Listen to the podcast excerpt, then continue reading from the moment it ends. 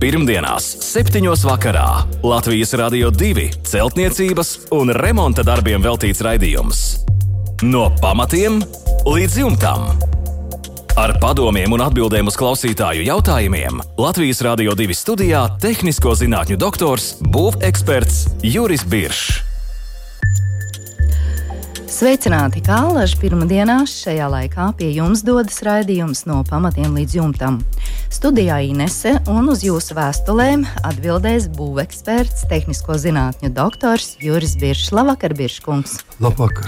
Vēstules ir apkopotas, jautājumiem atbildes arī un padomi ir sagatavoti. Un sāksim ar Normunda rakstīto sena koka kombinētā stāvbūve, guļbūve. Gribu siltināt no ārpuses, raksta Normons. Ir padomā divi varianti. Pirmais variants - karkas, mīkstā vai cietā vate, difūzijas plēve, atstarpe. Un tad nobeigt siltināšanu ar koka dēļiem, stāvošiem ar mazu spraugu, vai arī siltināt ar fasādes vati un nobeigt ar dekoratīvo apmetumu. Šāds ir pirmais variants. Otrais variants bija domāts apšūt māju ar OSB, uz kura līmēt fasādes vati. Kurš no šiem variantiem būtu labāks? Šāds ir jautājums. Un ko jūs ieteiktu izmantot, lai ēka saglabātu tādu veselīgu mikroklimatu? Jautā Normons Lūdzu, nu, Pirmkārt, jāsaka, ir, kad nu, kad jau Normandam jāsaprot, ka viņš pašreiz dzīvo vislabākajā ēkā. Tā tad ir stāvbūve. Nu, Tur vēl varētu strīdēties, bet guļbūve ir brīnišķīga ēka. Un, un tad, tad pa visa koka konstrukcijas siena. Nu, ja viņa ir tiešām jāsiltina, tas nozīmē, ka kad, um, nu, kad ir par vēsu, kas gan tā ļoti īpatnēji skan, parasti jau guļbūves Nu, reti, kad īpaši gribās siltināt. Bet, nu, ja tas ir iespējams, tas, ir, tā, tas ir jādara, protams.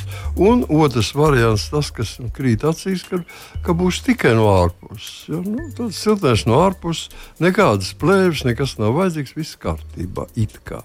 Bet šeit ir mazas neskaidrības, ko Normāls mums nav pateicis. Sākumā ir teikts, ka tā ir kombinēta stāvbūve, guļbūve un tātad arī stāvbūvē. Apšujot, teiksim, ar OSB plāksni nebūs viens variants, apšujot guļbūvi būs cits variants. Nu, tur tomēr ir savas nianses. Jā. Atšķirības. Jā, nu, tāpat kā stāvbūve atšķirās no guļbūves, mm, tāpat tas arī siltināšanā parādīsies savs nianses. Tas it kā būtu bijis jāzina. Tas jā, jāņem vērā. Bet, Pat cik mēs to nezinām un nevaram konkrēti pateikt, vai tur kas ir vairāk un kur kas ir svarīgāk un, un mazāk svarīgi, tad varbūt vienkārši iz, izanalizēsim pirmo un otro gadījumu. Tātad pirmais variants ir korkas, es saprotu, uz koka būves.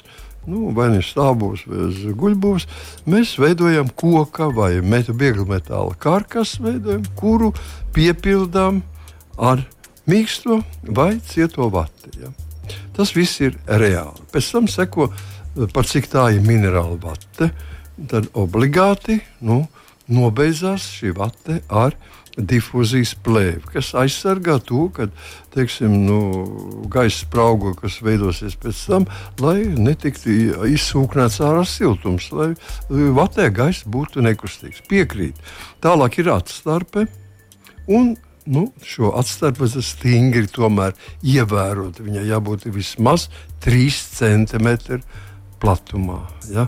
Un, ja kāds tam negrib ticēt, tad viņš atšķir Latvijas būvnormatīvu un izlasa tur 002 19 un izlasa tur likumus, kas saka, cik lielai jābūt šai atstarpēji atkarībā no ēkas augstuma vai no perimetra. Tā tad vismaz 3 cm. Nu, vidēji tas izmaksās, un reāli, ja negrib neko rēķināt, tad tas 3 cm ir jāievēro.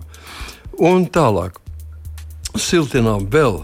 Tātad, ar fasādes vati. Ar, siltinā, jā, ar, ar koka dēlīšiem, tātad nobeidzam ar koka dēlīšiem, stāvošiem ar mazu spraugu, ar mazu spraugu. Ja? Mm. Tā mazā sprauga ir tā pati atstarpe. Nē, es saprotu, tā mazā sprauga ir starp dēlīšiem. Jā.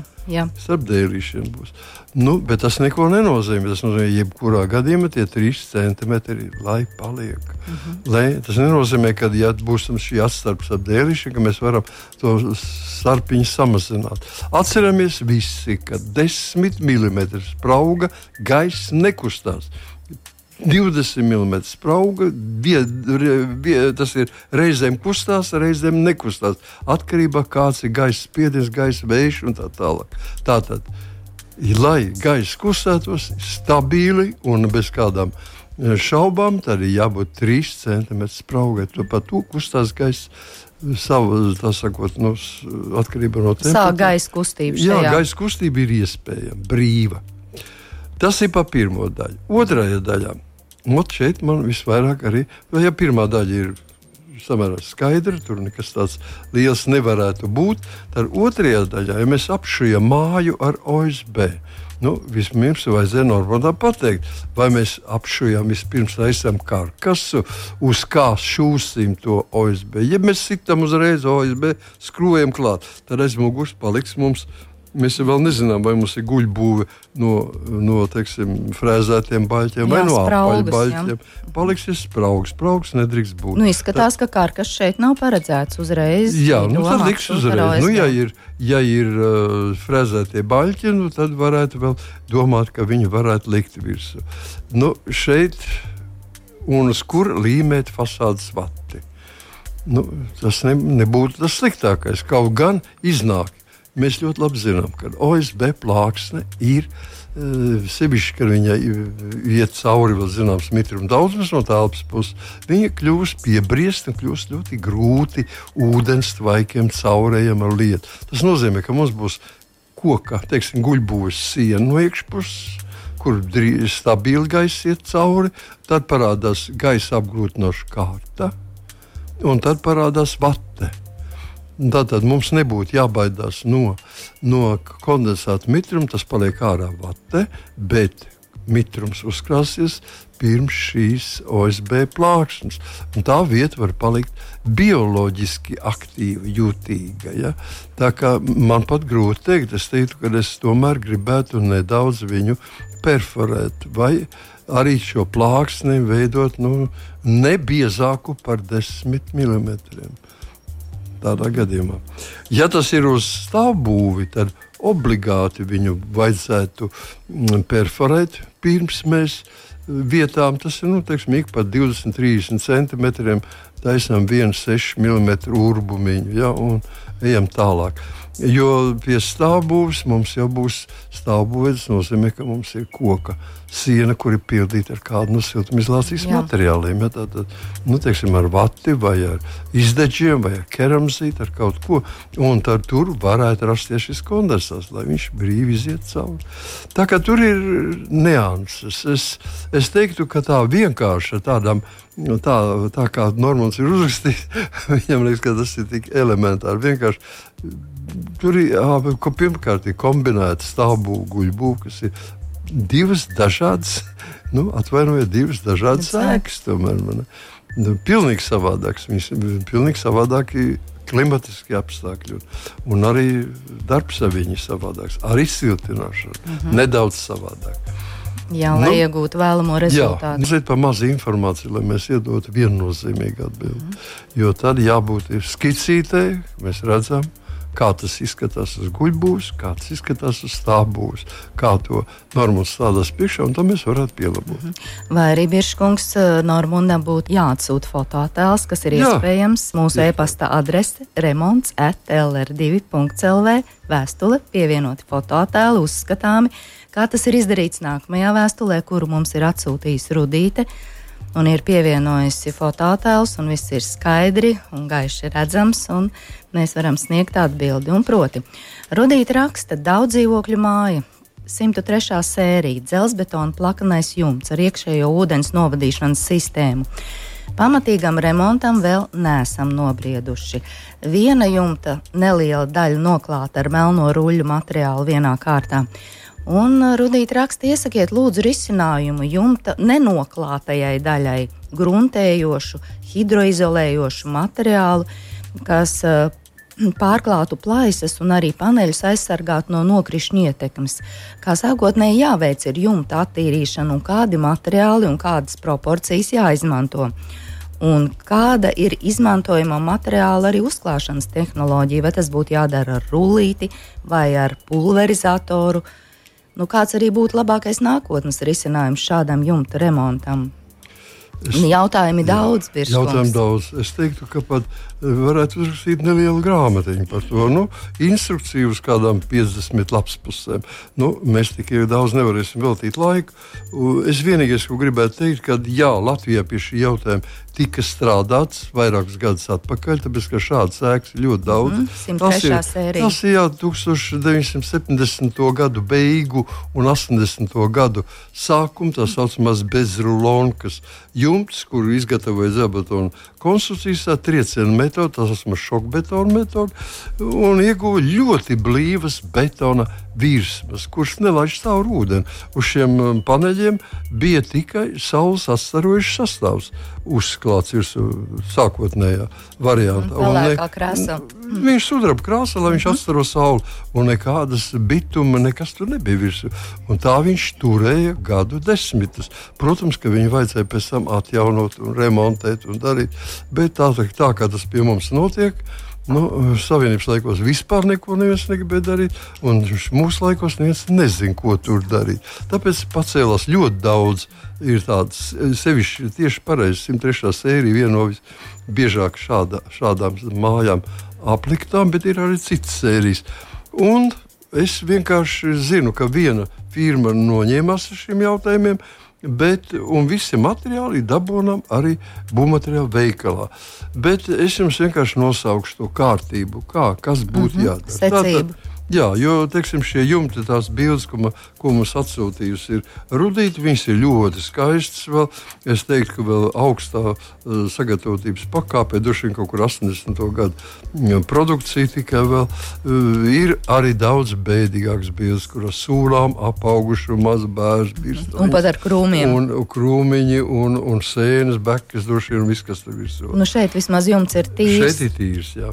Un tātad to lietu viņi dara sekojuši ne, neskatoties, ka viņš ir daļai tīrs, mēs viņu vispirms attīrām. Attīrīt vislabāk ir darīt to ar smilšu trūklu. Protams, nevis ar, ar ļoti spēcīgu smilšu trūklu, kas strādā ļoti spēcīgi acīm, bet nu, tādu, kas noņem no visas bioloģiskos. Tur būs ķērpji, būs sūnas, nelielas laukumiņos, būs tātad, dažādas betona atlupušā, atlupušās vietas, un arī plaisas viss nav redzams. Tātad apstrādājam ar, ar smilšu trūklu. Pēc smilšu trūklas apstrādāšanas šo virsmu gruntē ja, ar gruntējošu sastāvu, kur dažāds grunts varētu būt, bet es ieteiktu vislabāko grunti. Varētu būt uh, divas daļas cementa un viena daļa um, teiksim, teiksim, polimēra polimer emulsija, tāda, kur mēs varētu pateikt, nu, lateks. Vislabākais būtu sintētiskā lateks mm, emulsija, kur ļoti daudz firmas ražo un, un varat pieprasīt un dabūt viņas. Tātad savien, savienojot kopā šos divus materiālus, divas daļas cementa, viena daļa šo sintētiskā lateks emulsiju, mēs varam gruntēt to virsmu. Gruntēt un remontēt pie reizes. Tātad, teiksim, ar kādu, nu, jebkuru remontu jau, kas ir paredzēta ar darbiem, un pievienojot klāt šo tikko iepriekš nosaukto, nosaukto materiālu, mēs iegūstam pastu, ar kuru mēs varam aizpildīt visus nelīdzenumus, plaisas un viss, kas tur tāds stiegrojuma atseguma vietas. Ja. Nebaidoties, liekam virsū arī uz stiegrojumu, tā kā tas viss būtu kārtībā. Tad, kad tas ir izdarīts, tad pēc tam mēs uzklājam virsū īpašu bezšuvju mastiku, bezšuvju mastiku uzliekam virsū, kas iztur saules ultravioleto enerģiju. UV. Ja, mm -hmm, kas ir starojumi. Jā, un mēs viņus uzklājām teiksim, divās kārtās. Uzliekam. Nu, tas ir praktiski arī viss. Vairāk nekas nav vajadzīgs. Protams, ka viņš ir jāuzpasē, jāskatās, lai nekur viņš nesāktu mehāniski uzrauts nebūt. Jo, ja viņš, ja teiksim, mēs atļausim tur visādiem internetu vilcējiem staigāt pa jumtiem, nu tad ātri vien uzraust to virsmu. Ja, tāpēc mehāniski jābūt visam viendabīgam. Un, ja tā kaut kas iznāk, tad mēs atkal pa jaunu lielākā platībā uzklājam šo šo mm, šķidro, tā saucamo šķidro membrānu. Ja, uzklājam virsmu, ar, kas iztur saules enerģiju un kas ir sudrabainā krāsā. Ja. Lūk, tas ir pats galvenais, ko mēs varam ieteikt. Kaut gan es teiktu, ka kad ļoti labs rezultāts, īpaši Rīgā, uzrāda tas, ka, ko jūs jau pašā sākumā, ko Rudīte teica, kad ir uzklāja vienā vai divās kārtās, uzklāja vienkārši ruberoidu. Ļoti rūpīgi piegriež un uzlīmē uz šīm sarežģītajām virsmām, uzlīmē virsmu šo ruberoidu. Un arī to iekšējo reni, kas ir jā, arī viss izlīmē ar ruberoidu. Ļoti labi tur, ļoti labi. -hmm. Jā, paldies, Biržkungs, par atbildi Rudītei. Lauku mājai piesvīduši spīdīgi dūmvadi, raksta mums Ingrīda. Iztīrot sodrējus, dūmi vienalga nāk istabā. Ko jūs ieteikt darīt šajā situācijā, un vai ir kāds līdzeklis, kurš varētu risināt šo problēmu? Nu, nu, redziet, tā, ir, tā ir diezgan bīstama situācija. Ja, ja dūmi vēl nāk iztamā, tas nozīmē, ka ir pilnīgi atklātas spraugas, ir, ir mikrospraugas atklātas, pa kurām laužās iekšā dūmi. dūmi nu, tas ir ļoti slikti. Jūs vienkārši riskējat dzīvot uz, eh, jums varat nodegt šie cilvēki, diemžēl, atrodas riska situācijā. Ja? Tāpēc ir ļoti uzmanīgi jābūt šādā situācijā. Pirmais, kas jādara, protams, ka jāskrien pie uguns pie atvainojas kursteņa slausītāja un jāizslauka, un lai viņš dod uzrakstu slēdzienu par jūsu dūmeni, vai viņi vispār drīkst eksploatēt. Mm. Tas ir pirmais. Otrs, kas jādara, ja mēs uh, pirmā nu, ejam uz veikalu, nopērkam tā saucamo uguns cementu, fire cement, ja, mm. uguns cementu, daudz firmas iz, izplat. Un, teiksim, plānā kārtiņā mēs varam uziest uz tām spraugām visu šo uguns cementu. Uguns cements tā ir pasta tāda. Ja? Viņa tā viņa plānā kārtiņā, un viņa izžūst, un viņa aiztur dūmus. Un, un vismaz kaut kādu laiku jūs varat iztikt savā, bet tas nav risinājums.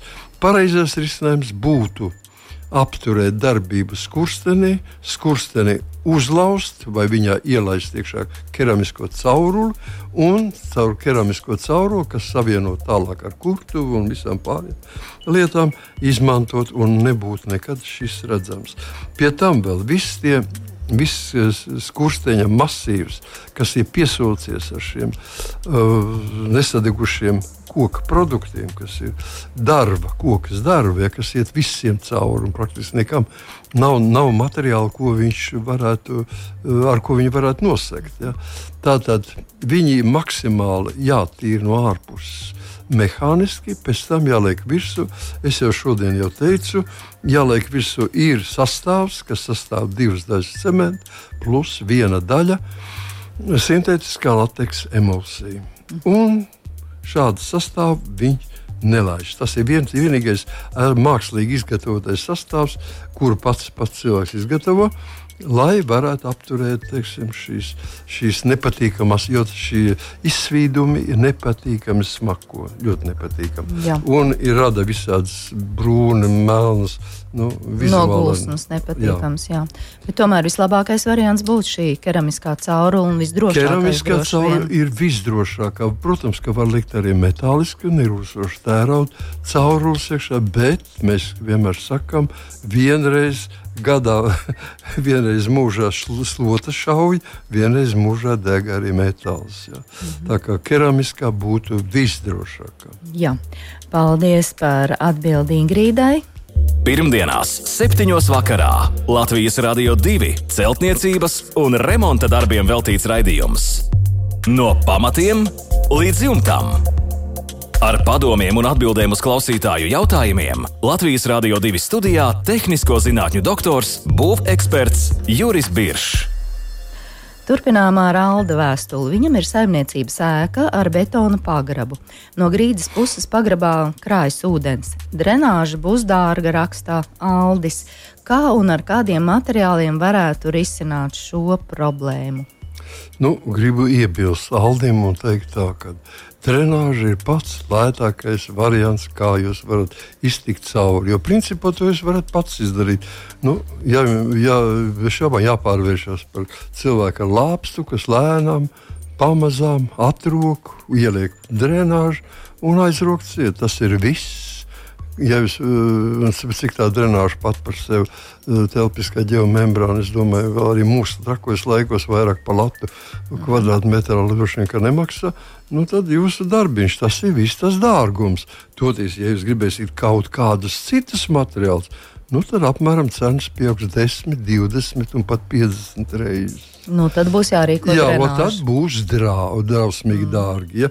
Tā kā pēc, tā drenāža ir vienīgā normālā izēja, kur cilvēks var izdarīt pats un, un neiepīties ar bankām. Bet tur jau arī var pa gabaliņam, pa gabaliņam šo Protams, nu, mīļaties, man spēc kaut vai dariet gadā desmit metrus. Ja? Tas nozīmē, ka problēma beigsies pēc desmit gadiem, bet, bet jūs desmit metrus gadā varat izrakt un, un iztaisīt. To var, es domāju, ka tas ir to vērts tomēr. Mm. Jo pārējais, pateikšu jums priekšā, jums atliek tikai divas iespējas. Vai nu drenāža, vai injekcijas. Ja? Un injekciju materiāli ir nu, nesalīdzinām dārgāk. Pat vis, vislētākais injekcijas materiāls jau maksās eh, litrā vismaz 1,5-6 eiro. Eh, normāli, eh, ja jums firma taisīs, tad viņš maksās 50, 60 eiro viens litrs ko tur pildīt. Un jums ik pa 15 centimetriem, pa visu perimetru, iekšējo perimetru mm, pagrabā jāveido šie urbumi divās rindās un vismaz divas trešdaļas no sienas biezuma. Tā kā jums tur aizies daudz litri, daudz. Es domāju, vismaz bez simts litriem, jūs, vai vismaz nu, tas ir ja ļoti maziņš pagrabiņš. Tad nu, vismaz 50 litri aizies. Mm, nu. Nu, un pareiziniet, ja jums ir teiksim, Eiropā viens no labākajiem sastāviem, tas ir 50 eiro bija pagājušā gada vēl, šodien ir vairāk litrā. Tad uh, es domāju, ka 50, tas jau ir 2,5 tūkstoši. Nu, pamatīgas izmaksas. Nu, un tad ir vēl darbi, un tā vēl nipeļi, un tā vēl spiediens, zem kur padot. Un tas speciālists. Nu, es nezinu, nu. tie, tas ir tūkstoši. To, ko es jums nosaucu, ko jūs uzskatāt par dārgu drenāžu, tā ir jūsu vai arī teiksim, nu, divi pensionāri mierīgi to izdarīt jums par dažiem simtiem eiro. Es domāju, tur, tur nav ko darīt. Jā, nu vai arī pats var ģimenes locekļi. Jā, nu, rakšana, rakšana, rakšanas darbs. Un arī fiziski pakustēties ir, jā, ir jauki. Pa vakariem tur. Jā, svaigā gaisā. Jā, kas tas tur jā. bija? Vienu metriņu izrok pa vakaru. Nu, tas nav nekas briesmīgs. Cik tie metri jums tur ir? Teiksim, simts metri un pa simts vakariem viss tiek izdarīts. Jā, tā kā Aldi ķeraties vien pie darba jā. un veidojiet drenāžu. Es to ieteiktu. Jā. Kurā gadījumā? No pamatiem līdz jumtam. Savukārt Fricis raksta, ka bijusī fermas ēka 1960. gadā ierīkots 100 metru dziļš urbums. Nav darbojies šis urbums vismaz 20 gadus. Izvilkām veco sūkni, ielaidām jaunu sūkni 11 metru dziļumā. Pusi dienas sūknēja ūdeni pļavā. Tas bija melns un netīrs. Cik ilgi tas būtu jādara, lai tiktu pie normāla, kvalitatīva ūdens? Vai ir kāds gudrāks, efektīvāks veids, lai attīrītu šo dziļurbumu. Nu, pusdienu tas nemaz nav daudz šiem darbiem, laikam. Tā. Nu, katrā gadījumā es neesmu speciālists par šiem jautājumiem, un tāpēc atbildēt tā izsmeļoši nevarēšu.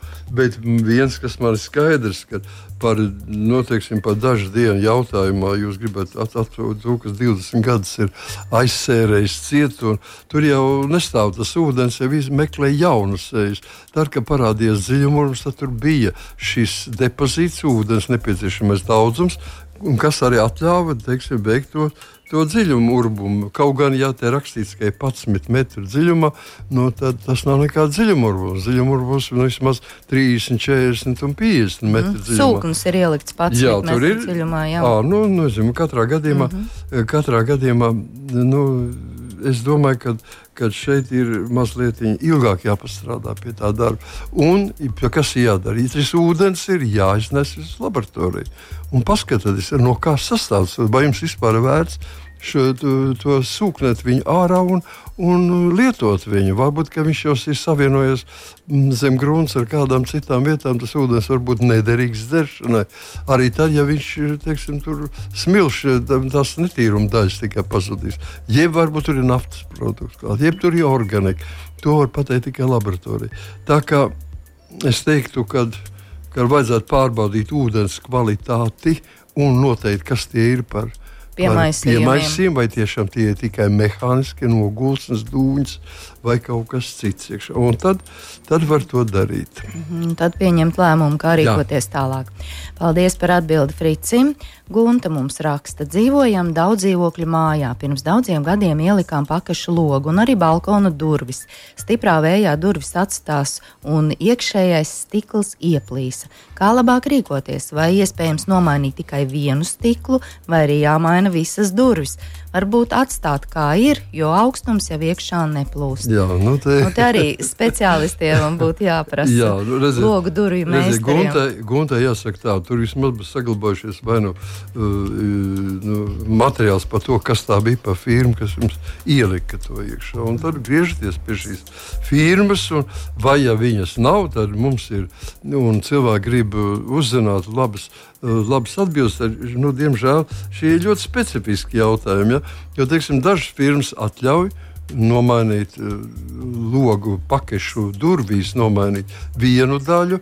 Citi saka, ka viss ir jāmaina.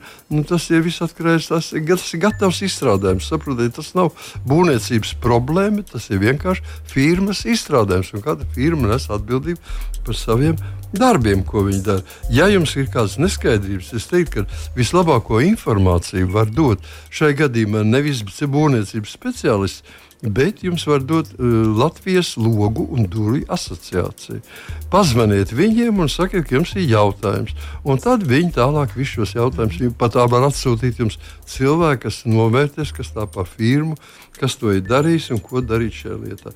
Tie ir tipiski, nu, tīri speciālisti par logu. Jā, izstrādājumi speciālisti. Jā. Es šajā gadījumā neredzot, pat vispār nedrīkst jums neko Jā, ieteikt. Skaidrs. Paldies par atbildī un vēl māra vēstuli tiek būvēts privātmājas balkona jumts. Balkons no trīs pusēm ir atvērts. Balkona jumtā siltinājums nav paredzēts. Izmēri balkonam būs 1,5 metri x 3,5 metri. Tas atrodas dienvidrietumu pusē. Ja jumtam izvēlēšos vagondēļu klājumu un virs tā skārda lokšņu segumu, vai zem skārda nepieciešama antikondensāta plēve, vai kondensāts var veidoties arī jumtā, zem kura nav slēgta telpa.